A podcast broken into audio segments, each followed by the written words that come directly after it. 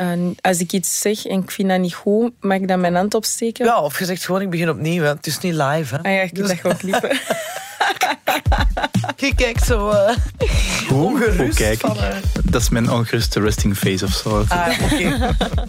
Dit is Groot Gelijk, een podcast van De Standaard, waarin twee redacteurs debatteren over een hot topic. Ik ben Josephine Dapa, binnenlandredacteur bij De Standaard. Ik ben Christophe Meijsen, ook binnenlandredacteur bij De Standaard. De vraag die vandaag op tafel ligt, moeten we af van studentendopen? Wel, ik denk dat daar wel iets voor te zeggen valt. Nee, studentendopen moeten kunnen blijven bestaan.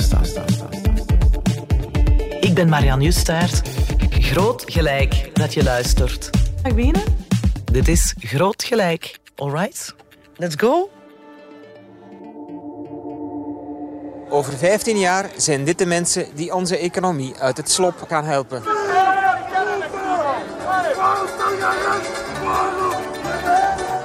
Ik ben 69. Ik ben zelf prezes geweest van een studentenvereniging van de economie. Maar wij deden geen dopen. Ik heb ook nooit geen doop gedaan. Mijn kinderen ook niet. Ik heb wel een vriendin die dat heeft gedaan en zij vond dat superleuk om zo een keer veel te worden en veel te maken. Mijn vader heeft wel in een studentenvereniging gezeten. Die heeft daar heel veel fun en goede herinneringen aan. Je bent te lachen! Het wordt totaal niet gecontroleerd door de, door de overheidsinstellingen, door de universiteiten zelf. Totaal niks gecontroleerd daartoe. Ik denk ook zeker dat iets als een studentenvereniging iets is dat mag blijven bestaan. Een heel goed voordeel heeft. Het is belangrijk om uh, cohesie te hebben en dat je wel degelijk vrienden kunt maken. Voor mij is dat, allee, ik ben er, ben er heel hard tegen. Kleineren, schofferen, vernederen. Die doop zelf was aangenaam eigenlijk. Ja, veel mensen op mijn kot zijn niet gedoopt. Dat is gewoon ieder zijn ding, denk ik. Ja, iedere individuele keuze. Ja, ja. En ik vind echt dat dat zou moeten afgeschaft worden. Er zijn andere manieren om u te amuseren. Ja, dat was ook een voordeel voor mijn ouders van ah, er is geen doop. En voor heel veel van de leden was dat toch wel hetgene waarom dat ze in de studentenclub gaan gaan, omdat er dan geen doop was. En als ze dan ja, geen probleem had met hun ouders. Ik ben wel blij dat ik dat gedaan heb. Vandaag ontvang ik collega's Josephine Dappa en Christophe Meijsen, allebei van onze binnenlandredactie. Hallo. Allebei zijn jullie ooit student geweest. Hè? En dat treft, want vandaag gaan we het hebben over de zin en onzin van studentendopen. Op dit moment staan 18 leden van studentenclub Reuzegom terecht voor de fataal afgelopen doop van de schacht Sandadia in 2018. En het proces naar aanleiding van Sandadia's dood zet onze vraag op scherp. Moeten we niet stilaan af van dat ritueel? Zijn jullie gedoopt eigenlijk, Christophe en Josephine? En waarom wel, waarom niet? Ja, ik eh, ben inderdaad gedoopt in Leuven. Eh, Ik heb taal en letterkunde gestudeerd. Um, en dat zal dan rond 2004, denk ik, geweest zijn dat ik inderdaad in mijn eerste jaar uh, gedoopt ben geweest. Uh, en dat was een fijne ervaring. Ik heb daar uh, helemaal geen problemen mee gehad, tenzij misschien een paar maanden een lokgeur in mijn haar. Ik ben niet gedoopt als student, ook zeer bewuste keuze. Dat soort uitdagingsachtige rituelen hebben nooit echt een grote aantrekkingskracht op mij gehad. Niet tijdens de zomerkampen in mijn kindertijd, niet tijdens de jeugdbeweging en dus ook niet toen ik aan de universiteit ging studeren. Um, ik zag daar echt, echt, echt het nut niet van in. Oké, okay, ik zal hier dan ook maar opbiechten. Ik ben wel gedoopt. Bij mij was het uh, vooral omdat ik uh, destijds verliefd was op de doopmeester. maar het gaat hier gelukkig niet over mij. Jij haalde al een heel belangrijk woord aan. Ritueel. Laat ons daar eens bij beginnen. Want de doop, de doop in het algemeen, wordt eigenlijk wel gezien als een belangrijk ritueel. Is daar behoefte aan? Christophe, kijk naar jou. um, voor mijzelf was het ritueel op zich niet zo belangrijk. Ik vond het gewoon plezant om in toe te komen en op die manier mensen te leren kennen. Maar ik kan me wel inbeelden dat er uh, zeker mensen zijn die daar wel belang aan hechten. En uh, ja, er zijn heel veel rituelen in ons leven. Je hebt de communiefeesten, je hebt de lentefeesten enzovoort als seculiere variant. Ja, het is ook wel belangrijk, denk ik, om af en toe rituelen te hebben, omdat het doet stilstaan bij een, bepaald, uh, een bepaalde overgang in het leven. Mm-hmm. Josephine, jij hebt het niet zo voor dopen met lookpoeder en zo. Zijn er contexten waarin dopen wel nuttig kunnen zijn als overgangsritueel? Ik begrijp dat ze bestaan omwille van wat Christophe net zei. Je, zit in een overgang. Ik denk ook, het klopt, we hebben in heel veel momenten in onze levens overgangsrituelen. En uh, een socioloog als Arnold van Gennep heeft daar eigenlijk altijd goed uitgelegd dat die rituelen in drie fases op te delen zijn. Een soort van moment waarop je je losmaakt, je oude identiteit aflegt, vervolgens in een soort van gemarginaliseerde fase komt. Dat is eigenlijk waar dat dan de doop zelf zit. En dan als die fase van marginalisering voorbij is, dan sluit je aan bij de nieuwe groep. En dat is waar zo'n studentendoop om gaat. Ik denk dat als ik voor mezelf spreek, dat ik het heel moeilijk heb met dat marginale element. En het is hetzelfde wat je ziet bij bijvoorbeeld um, vrijgezellenfeesten. Iedereen kent ze wel, denk ik. Die troepen um, toeristen die dan ja, hun laatste avond ja, in, de, in de, stad, komen vieren en uh, rotte mandarijnen proberen verkopen en weet ik veel wat. Dat is, het is opnieuw altijd dat element waarbij je geïsoleerd wordt soms geïsoleerd in groep weliswaar, maar je wordt geïsoleerd om dingen te doen, om bijna te bewijzen dat je mag toetreden tot die volgende groep. Dat je die nieuwe identiteit mag aannemen. Dat spreekt mij gewoon niet aan. Dat is iets waar ik intrinsiek altijd een aversie voor heb gehad. Ja, de drie fasen van uh, Arnold van Gennep afscheiding, transitie en uh, reïntegratie, die komen in de sociologie geregeld terug. Ik belde met professor Walter Wijns van de Universiteit Antwerpen. Ik ben cultuursocioloog aan de Universiteit Antwerpen en ik heb mij in het verleden uh, tamelijk indringend bezig gehouden met het analyseren van structuren van, laten we zeggen, mensen in overgang en mensen op zoek naar zin en betekenis. Laten we het maar zo eventjes algemeen stellen. Ook hij spreekt van het aannemen van een nieuwe identiteit. Overgangsrituelen zijn vooral belangrijk in die samenlevingen waar de posities van mensen heel duidelijk bepaald zijn en de levensfases heel duidelijk afgebakend zijn. En waar je dus, wanneer je van positie verandert, bijvoorbeeld van ongehuwd naar gehuwd, dat dat dan ook duidelijk wordt gemarkeerd. En dat gebeurt in de regel uh, door middel van een feest, waarbij de hele groep wordt betrokken, zodanig dat dat ja, eigenlijk een communicatiemedium wordt, dat feest, dat voor iedereen duidelijk maakt dat er een overgang uh, gebeurd is. Maar ook voor de betrokkenen. Hè.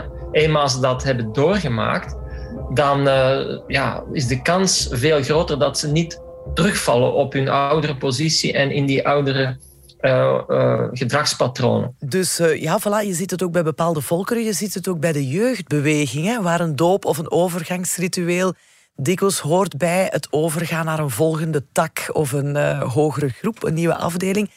Daar bekijken we dat als iets goed, hè, als een spel. Zijn we daar het ludieke verloren of, of bekijken we dat verkeerd? Ja? Ik, ik durf eigenlijk zelfs zeggen dat jeugdbewegingen niet ontsnappen aan het, het, het bijna soms gevaarlijke van dat uitdagingsaspect. Hè. Ik heb in mijn jeugdjaren zelf gezien dat er scoutsverenigingen zijn waarbij um, jonge kinderen van 12, 13 jaar wel eens uitgedaagd worden om al één of twee, drie pintjes te drinken. Dat gaat dan niet mhm. over een flesje never, maar dat, dat, die uitdaging zit daar dan wel al in. Als ze zeggen, ja, dat vernederende aspect, dat heb je toch veel minder in een scoutsvereniging. Ik ben het daar niet mee eens. Ik denk echt wel, en dat zie ik wederom uit eigen ervaring, um, vragen van, aan meisjes van 12 jaar of 13 jaar om uh, een potje ketchup met een tampon leeg te zuigen. Ik vind dat best vernederend, want dat zijn mhm. meisjes die op die leeftijd in, ja, ja. Um, hun die, ja, gaan krijgen ongesteld worden. Wow. enfin, ik, ik, bedoel maar, het, het, lijkt onschuldig, maar dat is niet allemaal zo. En ik wil ook niet zeggen dat dat in elke vereniging zo is. Maar ik geloof niet dat jeugdverenigingen ontsnappen aan dat gevaarlijke aspect. Ik denk overal waar je mensen samenzet dat er een risico is op excessen. Ik zie u fronsen, Christophe. Jij zat bij de scouts, hè?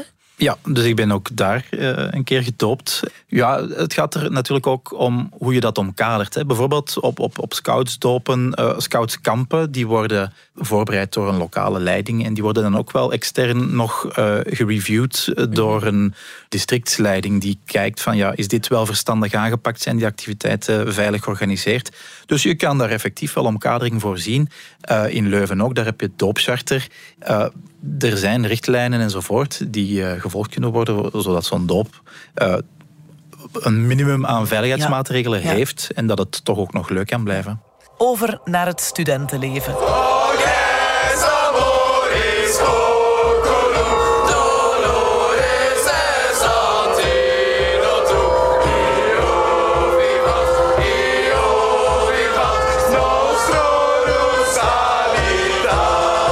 Eerste studentenclubs ja, die dateren al van de 17e, 18e eeuw. En die waren toen vooral gebaseerd op de regio waar studenten vandaan kwamen. In de loop van de geschiedenis werden ze dan verboden, weer opgericht enzovoort. Van oudsher waren ze eigenlijk altijd heel hiërarchisch gestructureerd.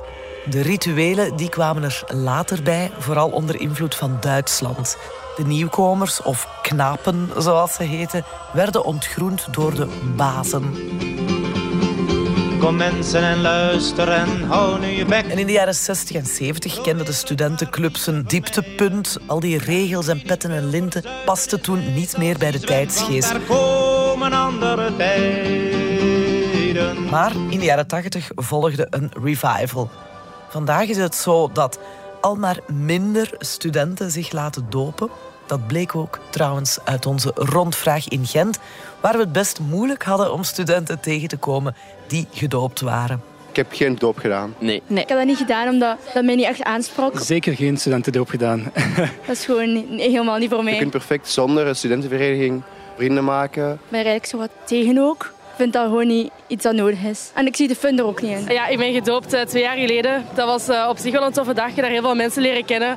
Mensen waar ik nog altijd heel close mee ben. Ik ben gedoopt eh, bij een studentenvereniging. Eh, ook omdat ik wist dat die doop meeviel. Dat die vrij goed eh, georganiseerd werd. Dat die niet zo radicaal was als sommige andere dopen. Of de doorsneedoop, daar veel mensen over spreken. Het, het klinkt misschien leuk om hergeboren te worden u zeg maar helemaal het lichaam kapot te maken om dan terug te komen. Maar is het de moeite waard? Voor zover ik ervan hoor en wat er mij is aangeboden, vind ik het niet waard om mezelf daarvoor te laten kleineren. Ik heb niet het gevoel dat ik iets mis als ik niet gedood ben. Ik vind niet dat je gedood moet zijn om vrienden te kunnen maken. Moesten ze gezegd hebben tegen mij van kijk, je gaat echt vuil worden, je gaat vernederd worden, dan had ik dat niet gedaan. Allee, ik heb dat verhelen zien gebeuren eigenlijk, dat de studenten daar op hun knieën zijn, dat ze moeten luisteren, dat ze Mensen die vuil maken. vuile dingen doen, dat ze Dingen echt die bijna dodelijk zijn. Dingen dat je eigenlijk niet wilt doen, maar toch moet doen. naar mij toe, dat de meisjes echt enorm misbruikt worden. U moet kapot drinken. Ik hoor heel veel verhalen. Ik weet niet, alle verhalen die je daar altijd over hoort zijn altijd zo gruwelijk en zo niet echt mijn ding. Ik ben 33 en achteraf gezien zou ik dat eigenlijk nooit meer opnieuw doen. Enorm slechte verhalen gehoord eigenlijk. Zou ik de dingen dat ik eh, toen op die studentendoop van toen dat ik 19 was nooit meer toelaten. Dus ehm, ik ben er radicaal tegen. Ik denk dat het de laatste jaren eigenlijk gewoon meer algemeen is geworden dat het iets te ver gaat. En ja, dat dat natuurlijk eh, de gebeurtenissen van Reuzegom daar natuurlijk een grote rol in heeft gespeeld. Politeia die doet geen doop meer. Eh, al twee jaar doen zij geen doop meer, omdat dat niet bij het imago van onze studentenclub past. Alleen dat dat een beetje veralgemeend heeft dat het heel extreem geworden is en dat veel mensen het overdreven vinden en eigenlijk bang zijn van de gevolgen. Ter vervanging van doop hebben we heel veel opdrachten in het jaar dat we moeten maken of doen. Zo. Dat was eigenlijk een soort van een grote stadswandeling, waarbij dat we dan ook de geschiedenis van Gent eigenlijk eh, gingen gaan bekijken. Leuke opdrachten om zo toch een beetje tussen de schachten een samenkomst te creëren. Teken de vlag op het Sint-Pietersplein, zo'n dingen. Of, De pijlers van onze vereniging ook gingen gaan bekijken. schrijf een brief aan de Sint, zo, zo'n dingen. Ik ben wel blij dat ik dat gedaan heb, achteraf. Ja, de dopen zijn gewoon veel ja, minder extreem geworden. Dat is daarvoor ook al wel een beetje aan het evolueren geweest. Maar ja, sinds Sanadia is dat wel in een stroomversnelling gekomen. Wat ook wel goed is. Ik denk zeker dat naar aanleiding van de recente gebeurtenissen we zeker in vraag moeten stellen alcoholconsumptie, dopingscultuur. Die twee gaan hand in hand natuurlijk, want gewoon kapot drinken. Het komt er wel eh, alcohol aan te pas, dat wel. Vandaar ook dat het een aangename stadswandeling was, om het zo te zeggen. Bij ons was dat ook helemaal anders, omdat wij zijn aan een vereniging die gekoppeld is aan de UGent. En daar hebben wij ook allemaal een doopcharter dat wij moeten ondertekenen. En dan verloopt dat allemaal heel strikt volgens regels en is er ook heel veel controle.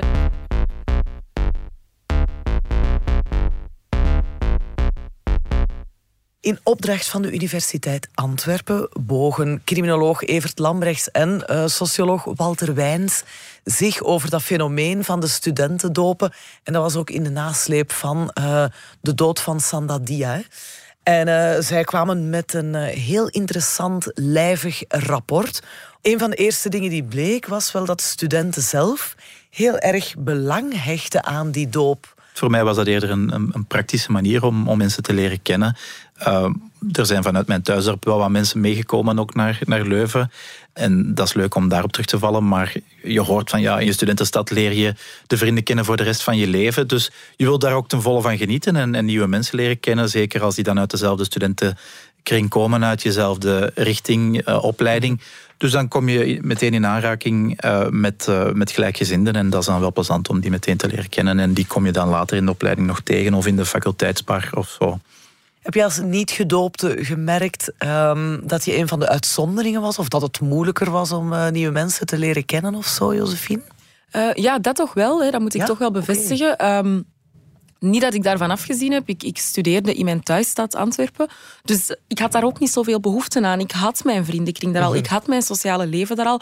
En misschien zal dat Voordeel ook... van de local. Ja, om, allee, ik, ik, kom ook van de parking, dat geheel terzijde. Maar uh, het viel mij wel op. Hè, die, die, die eerste twee, drie weken aan de universiteit, waarin dat je dan allerlei kennismakingsdingen moet doen. Het voelde voor mij wel alsof ik binnenkwam in een groep die al een groep was, terwijl ik wel zo echt de nieuwe student was. En ik dacht ook van, hoezo kennen jullie elkaar allemaal al? Maar natuurlijk hadden zij al aansluiting gevonden bij een studentenvereniging, mhm. waren daar al avonden geweest. Dan was er zelfs nog geen sprake van een doop. Dus ik herken dat verbindende mechanisme wel. Maar dat is ook wel voorbij gegaan. Ik heb, kan oprecht zeggen dat ik tegen mijn masterjaren aan echt wel gewoon vrienden heb gemaakt die ik nu nog zie. En dat heeft misschien een tikkeltje langer geduurd, maar ik heb nooit gedacht, oh my god, ik heb geen vrienden, ik moet mij nu laten dopen. Ik begrijp wel dat mensen verbinding zoeken en nieuwe mensen willen leren kennen. Maar ik, ik, ik, zie ook totaal geen aantrekkingskracht in dan het jaar nadien tegen een nieuwe 18-jarige te kunnen zeggen: ah, en jij gaat nu over de grond kruipen in je BH met een banaan in je uh, onderbroek, weet ik veel wat. Um, dat zijn dingen waar ik niks in zie en nog altijd niks in zie. Ik heb dat nooit gewillen. Um, maar dat is persoonlijk en dat weet ik ook wel. Ja, ja, ja.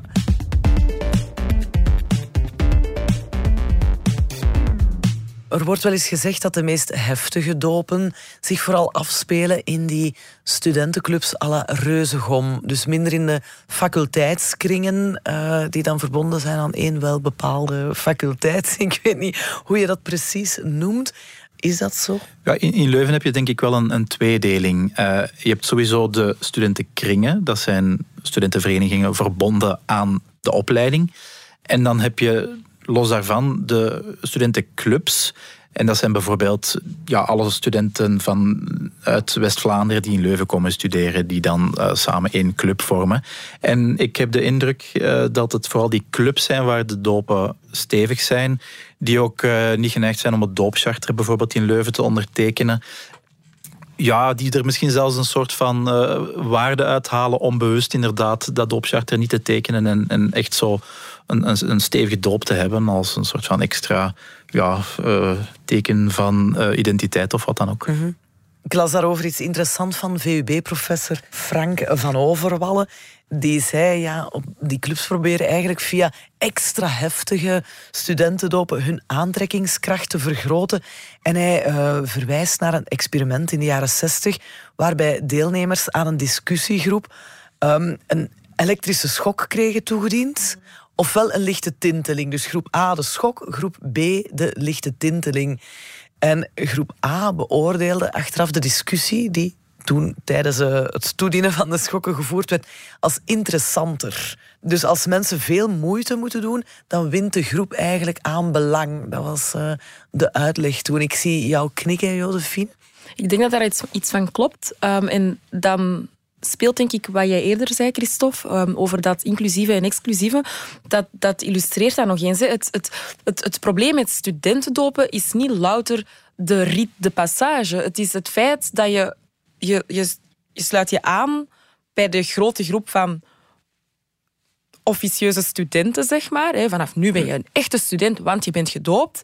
Maar daar binnen die schijnbaar homogene groep zijn er nog altijd allerlei sociologische dimensies. Maar als je um, dan vervolgens terugkijkt naar wat Arnold van Gennep zegt en zegt, kijk, dat bestaat uit drie delen, dan vind ik eigenlijk dat die middelste fase, de, de, de, de, fase van marginalisatie, dat dat totaal buiten proportie is voor wat dat je dan vervolgens krijgt. Een stukje van een nieuwe identiteit. Want we vergeten dat mensen hun identiteit uit meerdere dingen bestaat. Je bent meer dan student alleen. En heel vaak wordt de discussie gevoerd alsof zo'n doop je dan tot de club van gedoopte studenten toegang geeft. Terwijl eigenlijk binnen die schijnbaar homogene groep van, van gedoopte studenten heb je nog altijd verschillende sociologische dimensies. En dat is ook wat je zag bij Reuzegom en wat er Sandadia is overkomen. Mm hè. Uh, die jongens die ontkennen dat allemaal. En ik zal niet zeggen, of ik zal niet voor hun beurs spreken en zeggen dat ze per definitie racistisch gemotiveerd waren. Maar je ontsnapt niet aan het feit dat Sandadia een andere sociologische, socio-economische achtergrond had dan de gemiddelde reuzegommer. Sandadia had perfect kunnen kiezen voor een studentenvereniging die wel door de KU Leuven werd, gereguleerd. Maar dat heeft hij niet gedaan. Er is een reden voor het feit dat hij voor Reuzegom heeft gekozen. Net zoals er een reden voor het feit is dat, dat, dat mensen soms kiezen voor een bepaalde elite binnen een groep die al afgesplitst is. Daar, daar ontkom je niet aan. Mhm. We zien ook allemaal wie het publiek Reuzegom is. Mhm. En het feit dat Sanadia graag bij die club aansluiting wilde, dat is iets waar we ons vragen bij moeten stellen. Dat zegt iets over de wereld waarin wij leven. En dat, dat kan je niet ontkennen. Ja. En het is geen toeval dat ook dat soort verenigingen heel vaak geen charters wil ondertekenen. Ja. De sociologische verschillen binnen die schijnbaar homogene groep kunnen leiden tot ja, racisme, seksisme enzovoort. Het is een kwestie die niet aan bod komt op het Reuzegom-proces, maar die er wel een beetje boven zweeft. Hè. En professor Wijns die steekt niet onder stoelen of banken dat ook dat een aspect is van studentenclubs dat aandacht en onderzoek verdient. Wat doe je in ja, noem het dan een diverse stad zoals Antwerpen. Ehm, met studentenclubs die zo wit zijn als, uh, als dit blad hier. Ik heb nu een wit blad vast. Hè. Dat is ook een, een kwestie natuurlijk. Eh, ja, seksisme, uh, racisme. Ja, het, het, is niet afwezig. Hè. Ook niet bij studentenclubs. En dus daar mag natuurlijk ook over reflecteren. Het gaat niet alleen over uh, over de schreef gaan tijdens de doop en iemand te veel modder of rotzooi laten eten of zo. Het gaat eigenlijk ook over uh, impliciete en soms zeer expliciete vormen van seksisme, racisme. Ja. Als jullie het goed vinden, gaan we terug naar studenten dopen, de zin en onzin ervan. Ergens, en cours de route, is die moeilijkheidsgraad geëvolueerd naar vernedering in sommige gevallen. Vernedering die ook echt wel als pesten kan worden ervaren of misschien bestempeld ook. Ja, in, in mijn tijd was er ook nog sprake van uh, voorafgaand aan de doop een soort van verkoop. Uh, de details weet ik daar allemaal niet meer heel goed van. Maar je werd dan op een avond inderdaad op een tafel gezet in een aula. En dan werd er op je geboden. En uh, dan uh, sommige mensen kregen uiteraard uh, meer geboden dan andere mensen. Ja, ja, de schachten verkopen. Voilà, inderdaad. En daar zit inherent een, een deel van vernedering in. Um, maar tegelijkertijd denk ik dat... Misschien is het een soort van rationalisering die je, die je achteraf doet, maar ik heb dat op zich niet als op dat moment toch niet als problematisch ervaren, omdat dat voor mij ook iets kunstmatig leek, als een soort van fictie.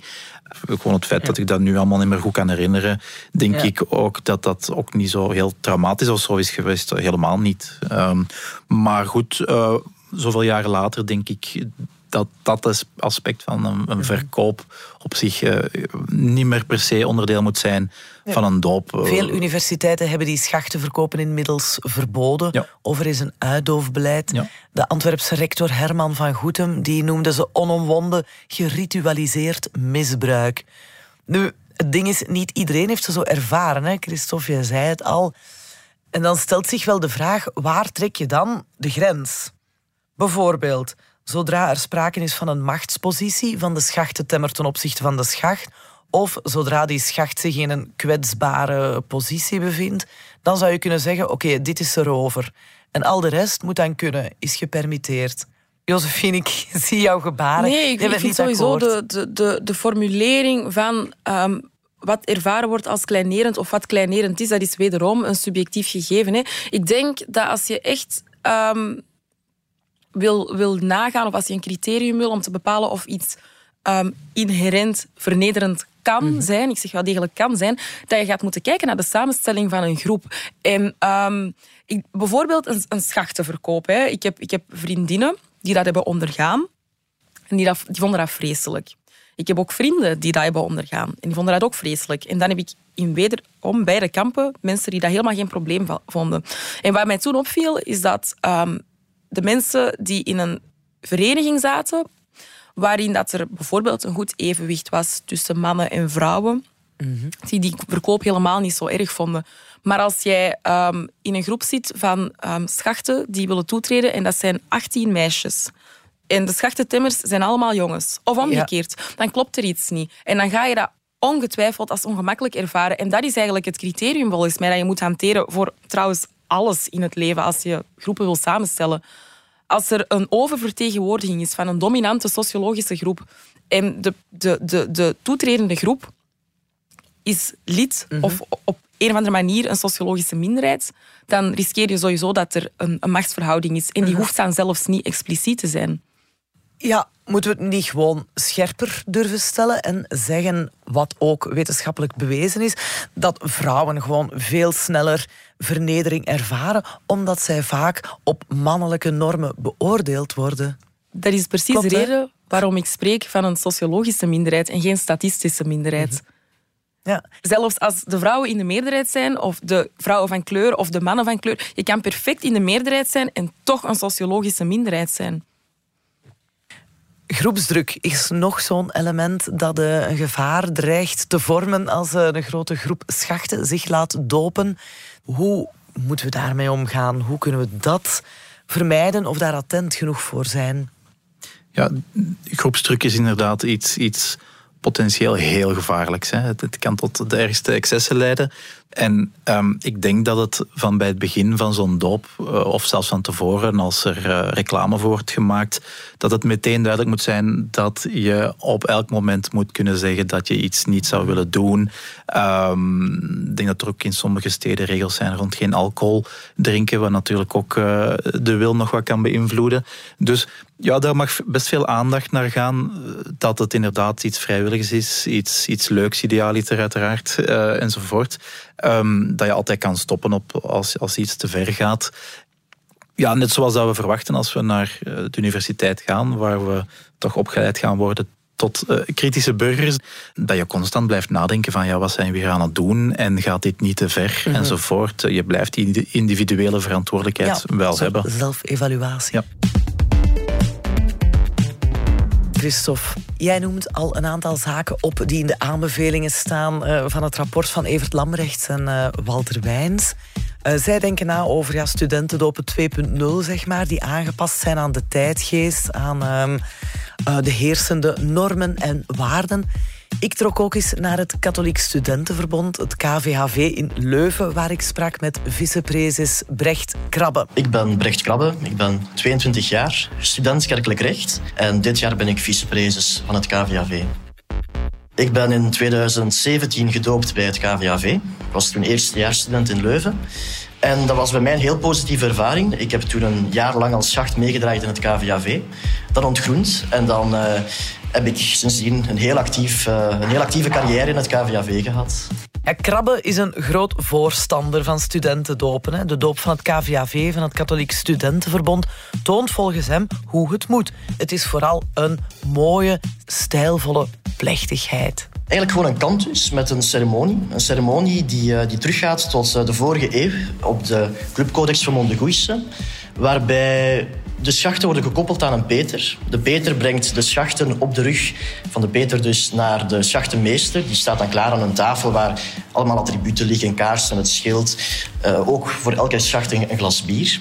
Dan moeten de schachten hun bier ad fundum leegdrinken. Moeten ze een eed zweren aan de, aan de schachtenmeester. En dan krijgen ze een pet en lint en dan zijn zij schacht. En dat is alles eigenlijk. We, vragen onze schachten hun mooiste pak aan te trekken. Een, eh, das, een, een kostuum. Voor de meisjes een, een avondjurk. Dit is de doop die wij al ja, 100 jaar doen. Die ook eh, vorige eeuw standaard was in heel Vlaanderen. En wij begrijpen ook niet goed hoe het komt dat eigenlijk de afgelopen 50 jaar ongeveer dat helemaal ontaard is. En hoe eigenlijk een heel stijlvol ritueel, een respectvol ritueel, hoe dat is zo kunnen ontaarden in, in vernedering, vuiligheid. eh, Dat begrijpen wij niet. Elke student in Leuven heeft, heeft die codex. Elke student heeft op zijn nachtkastje de tekst liggen waarin staat hoe je op een goede manier kunt dopen. Geen vettigheid, geen vernederingen. Dat staat er niet in, simpelweg omdat, dat niet bij de, bij de auteurs opkwam dat dat zou kunnen gebeuren. Ja, dat, dat klinkt allemaal heel mooi. Ehm, en ik zou daar ook voor pleiten. Maar ik denk dat je de aantrekkingskracht van studentendopen niet wegwerkt met een ceremonie. Want veel universiteiten hebben al zo'n ceremonie. Hè. De universiteit waar ik heb gestudeerd, daar werd je verwelkomd door een faculteitshoofd. Vervolgens was er een hele welkomstceremonie in een chique kerk ergens in het Antwerpse. Zelfs als je niet bijzonder katholiek bent, voelt zo'n moment wel heel plechtig aan. En ik denk dat dat een mooi aspect is, maar dat daar heel veel studenten ook geen vrede mee zullen nemen. Al zien, dat is nog altijd een institutionele verwelkoming. En ik begrijp, hoewel ik echt geen fan ben van studentendopen, ik begrijp wel waarom ze bestaan. Ja. Ja, dat katholieke studentenverbond, dat is echt wel zo'n club met petten en linten. Je krijgt ook op het einde van dat doopritueel, die ceremoniële plechtigheid, uh, je lint en pet. Maanden later moet je dan ook nog een ontgroeningsritueel doorstaan. En dat is met examens en zo, legde Brecht Krabbe mij uit. Ja, ik, ik denk dat het er ook gewoon van afhangt hoeveel waarde je aan bepaalde tradities geeft. En sommige mensen vinden het heel belangrijk om uh, een traditie die inderdaad al honderden jaren of honderd jaar wordt gebruikt, om die dan verder te zetten. Maar uiteindelijk, uh, ja, de aanpak van, van zo'n studentenclub met petten en linten wordt ook helemaal niet gesmaakt door iedereen. Uh, in, in Leuven bijvoorbeeld, in de vakbars, mocht je uh, van letteren bijvoorbeeld, kon je niks bestellen om te drinken als je een lint aan had. Je moest het eerst uittrekken. Dus er was ook een soort van ja, competitie of ook wel afkeer van sommige van die symbolen. Laat ons eens inzoomen op dat doopcharter. Het doopcharter als middel om tot een gezond en een open doopklimaat te komen. Veel clubs hebben het al aangenomen, ondertekend en zo engageren zij zich dus om de opgestelde regels en ook verbodsbepalingen na te leven. De vereniging of club dient respect te hebben voor de psyche van de schacht. Het kan nooit de bedoeling zijn om personen te vernederen door persoonlijk te viseren of om psychologische schade toe te brengen. Elke schacht heeft het recht om een opdracht te weigeren. Deze weigering kan niet tot gevolg hebben dat de schacht het doopgebeuren dient te verlaten of enig exclusief recht verliest. Indien de schacht van oordeel is dat een opdracht een ernstige inbreuk vormt op zijn fysieke of morele integriteit, dient hij daartoe de schachtenmeester aan te spreken. De verplichting zich geheel of gedeeltelijk naakt te vertonen kan geen dwingende voorwaarde zijn tot het succesvol voltooien van een Tijdens het hele doopgebeuren zijn personen met een allergie en of met contactlenzen duidelijk herkenbaar aan een armbandje of andere herkenningsteken. Indien een schacht toch dronken zou zijn in de mate dat hij een gevaar vormt voor zichzelf of voor anderen, dient de vereniging of club deze schacht onmiddellijk te verwijderen uit het doopgebeuren. Het is niet toegelaten om schachten tijdens de doop meer dan anderhalve liter vloeistof van welke aard dan ook te laten drinken. Het gebruik van schadelijke chemische stoffen, kleurstoffen als methyleenblauw, is verboden, zowel voor orale opname als voor contact met de huid. Alle voedingsproducten mogen niet gebruikt Het gebruik van poeders, azijn, mosterd, pikante producten, tabasco en visolie wordt afgeraden. Het gebruik van ontharingscremes of andere cosmetica-producten is enkel toegelaten volgens de modaliteiten beschreven in hun bijsluiter. Deze opsomming is niet exhaustief. Ja, sowieso is het een, een, een goed idee om je bent nog wat jonger en je weet zeker niet wat bepaalde substanties of bepaalde vloeistoffen kunnen doen. Uh, het is altijd goed dat je dan inderdaad nadenkt van wat, wat kan bepaald. Wat, uh, wat zijn interessante dingen om te doen, wat zijn slimme dingen om te doen, wat zijn domme dingen om te doen. Dus dat daar een, een, schifting in wordt gemaakt. En zo'n charter kan daar zeker bij helpen. Het, het dwingt je om, om stil te staan bij wat inderdaad uh, slim of, of niet slim is om te doen. Sommige groepen zullen er dan bewust weer van afwijken. Ik ja, schiet het dan in zijn doel voorbij als niet iedereen het ondertekent? Waarom hebben we het dan? Ik denk dat, dat wat jij zegt, Christophe, dat dat klopt. Hè. Ja, het is goed als leidraad om te reflecteren over je eigen goede of minder goede ideeën. Maar um, ik spreek uit ervaring als ik zeg dat studentenclubs, verenigingen Um, met of zonder charter. Ze, ze, vinden altijd hun eigen weg. Hè. Ik heb um, tijdens mijn studie um, een lange tijd in de VS gezeten. En daar zijn heel veel universiteiten die al een charter hebben of zelfs gewoon een, een expliciet verbod op dooprituelen, soms zelfs zo afzonderlijke studentenclubs. Dat mag niet. Fraternities heet dat daar dan. maar wat je ziet is dat het mag op papier niet, maar het, het gebeurt gewoon in de dormrooms, in de of campus, um, studenten, verblijven. Ze, Mhm. ze doen het gewoon toch. En dat is ook waarom ik eerder zei... Die aantrekkingskracht van wat niet mag of wat Mhm. niet zo'n goed, goed idee is, dat gaat altijd blijven bestaan, vrees ik. Ja. Maar ik denk dat dat ook gewoon eigen is aan elke groepsdynamiek eh, waar mensen gaan samenkomen. Dus eh, je kan misschien een, een, een doop afschaffen, maar mensen gaan gelukkig zich blijven verenigen. Ehm, en Fundamenteel recht.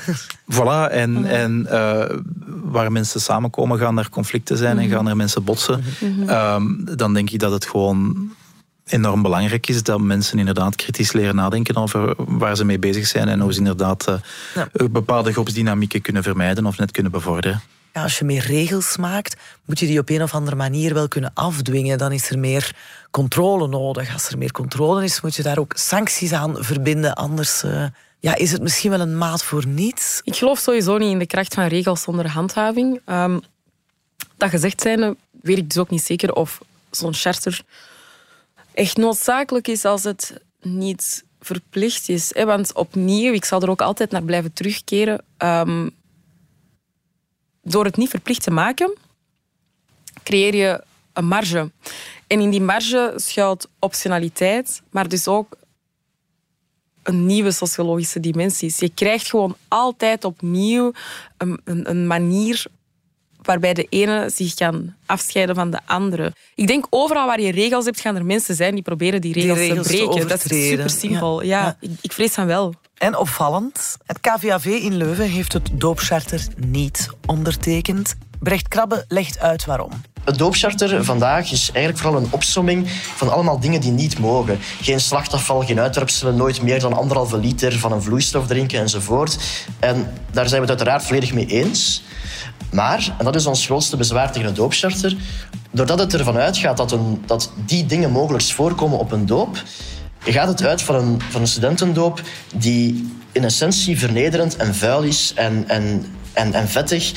En daar kunnen wij ons met het KVAV niet in vinden. Ehm, we moeten altijd uitkijken voor te, te veel formalisme. Hè? Dus inderdaad, je kan heel veel regels gaan opstellen, maar je, je hebt ook altijd het risico dat, dat die niet gevolgd gaan worden. Ik weet niet of ik zelf zo'n voorstander ben om dat echt strikt te reguleren enzovoort. Eh, Net ook omdat je dat dan misschien in, in de, de underground scene eh, drijft en dat er eh, aparte dingen gaan gebeuren.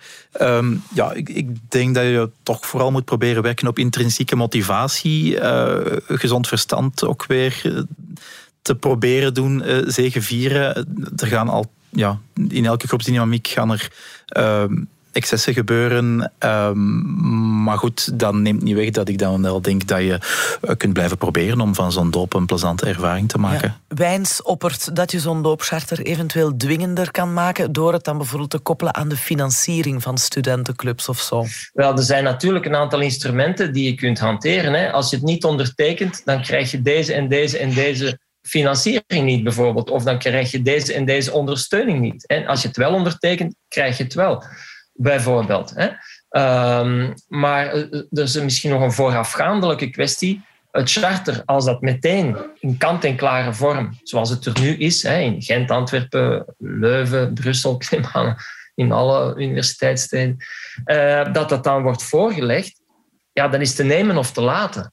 Terwijl natuurlijk die, die dooprituelen, dat is in de eerste plaats, ja, eh, natuurlijk om het zo te zeggen, het geestelijk bezit van de studenten zelf. Dus die voelen zich een beetje ontheemd wanneer, wanneer eh, hen wordt gezegd hoe ze het moeten doen. Het zou misschien beter zijn dat zij daar echt wat ernstige inspraak in hebben. Wijns en Lambrecht raden ook nog aan om te werken bijvoorbeeld met doopregisseurs of zorgmeesters. Verwachtingen formuleren, momenten van eh, zelfreflectie.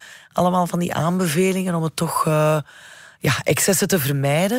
Het zou, het zou ook niet slecht zijn, denk ik, eh, mocht er pakweg onderzoek gebeuren of, of zelfs een enquête door de studentenkring over zo, hoe zij zo'n doop ervaren hebben. Ehm, als eh, manier om voor zichzelf ook kritisch te zijn van ja, wa- wat hebben onze nieuwe leden hier nu aan gehad en kunnen we nog dingen bijsturen naar een volgende editie? Ja, bijsturen, het woord alleen al eh, zegt genoeg. Studentendopen zitten uh, ja, in het verdomhoekje of worden toch wel uh, negatief gepercipieerd en dat stoort wel iemand als Brecht Krabbe. Dat is een beetje de, de ironie of de paradox waar we vandaag terecht zijn gekomen. Dat wanneer wij de discussie houden over het dopen, het alleen maar gaat over die negatieve dingen. Over je mocht niet dit en je mocht niet dat. En uiteraard mocht je niet dat. Maar wij believen een, positievere insteek van het debat. Namelijk, hoe kunnen we het wel doen? Wat is wel een positieve invulling van een doop? En dan zijn die blauwe bladzijden een, eh, een heel mooie inspiratiebron. Uh, het, bepaalt sterk, de identiteit van zowel de club als de schachten die gedoopt worden. Het, het creëert een heel groot samenhorigheidsgevoel, dat klopt zeker. En uh, vooral, eigenlijk, de doop is vooral een beginpunt. Ik zou niet zeggen dat daar de, de identiteit voltooid is, maar dan begint het eigenlijk pas. Vlaanderen en in het bijzonder Leuven hebben een hele rijke studentengeschiedenis. Maar we zijn ons daar helaas niet meer van bewust.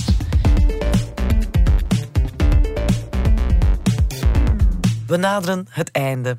Maar we moeten toch echt nog eens de extreemste piste onderzoeken.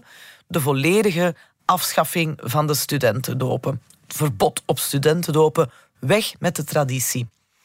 Is in sommige landen al gebeurd. Hè? En ook in ons parlement is het ooit voorgesteld door ex-Kamerlid Laurent Louis, een onafhankelijke, maar zonder veel succes.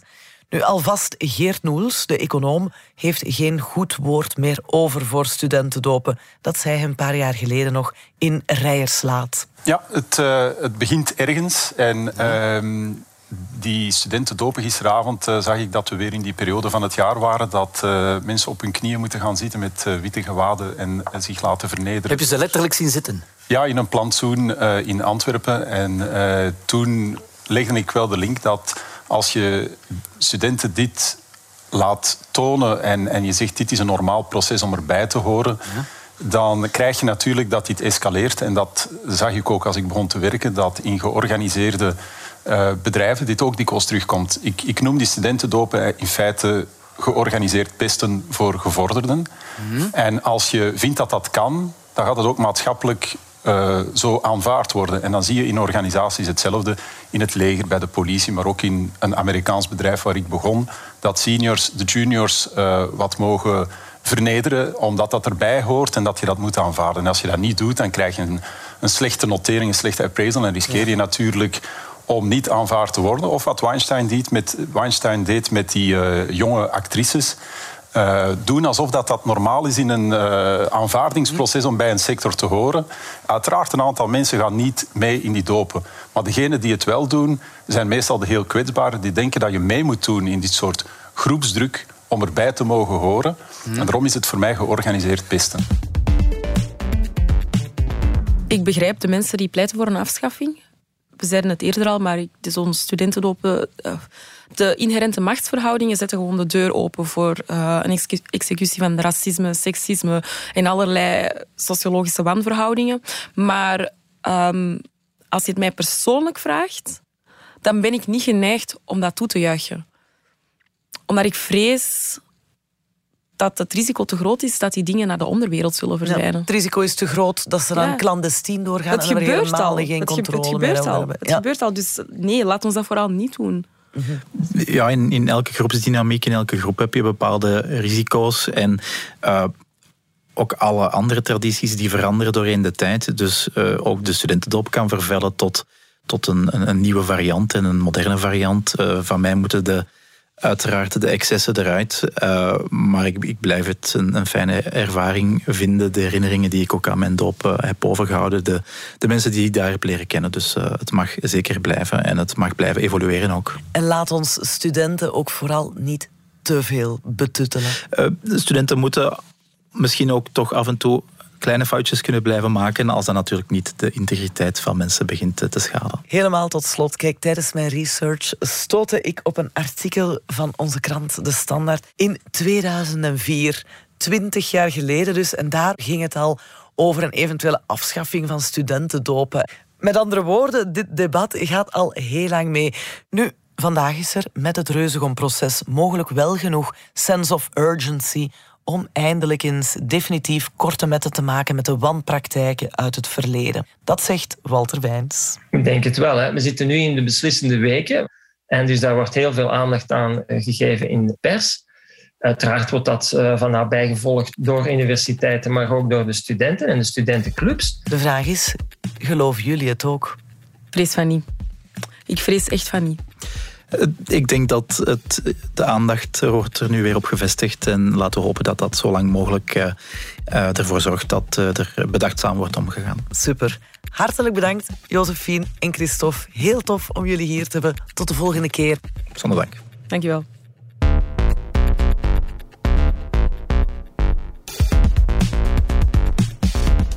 Dit was Groot Gelijk, de tweewekelijkse debatpodcast van De Standaard.